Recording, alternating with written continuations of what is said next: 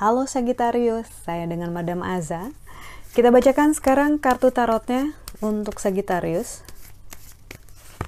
Kartu yang keluar adalah High Priestess.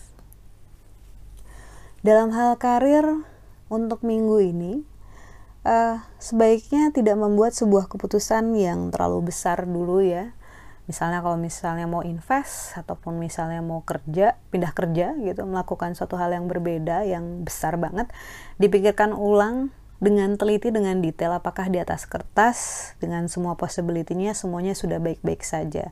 Karena kartu high priestess biasanya keluar saat kita ada di penghujung sebuah fase ataupun cycle dalam uh, babak kehidupan kita di mana kita diminta untuk membuat keputusan dengan lebih bijak untuk masa depan yang lebih baik gitu.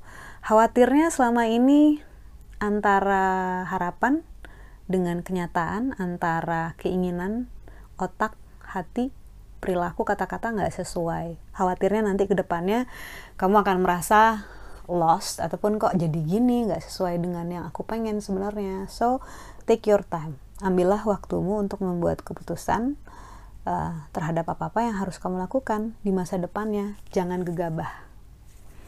Untuk percintaan, untuk percintaan Sagittarius, kartu yang keluar adalah Judgment. Kartu Judgment ini menunjukkan energi panas, ada ular, api, lahar gitu ya, dan segala hal yang panas muncul di kartu ini. Ini mengingatkan bahwa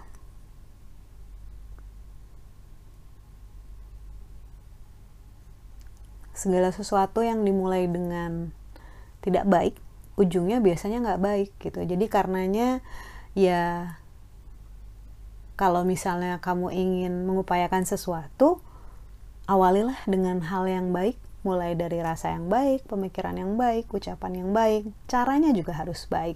Gak cukup dengan niat baik. Banyak orang mikir, ah yang penting niatnya baik. Nggak bisa, itu terlalu menggampangkan. Jadi semuanya harus diupayakan sebaik mungkin gitu dengan adanya unsur api ini gitu.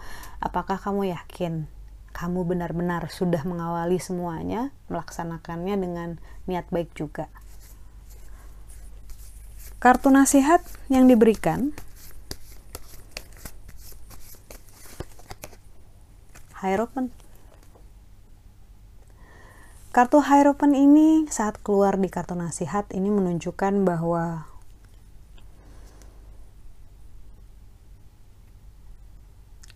percaya diri itu boleh.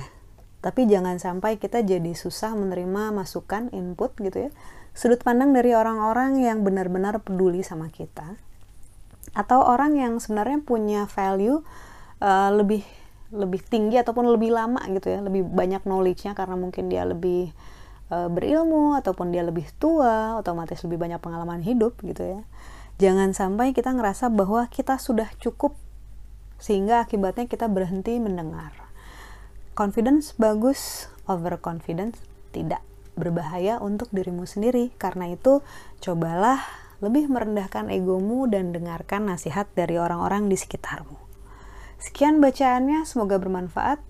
Bantu dengan cara like, subscribe, share, dan juga komen. Terima kasih.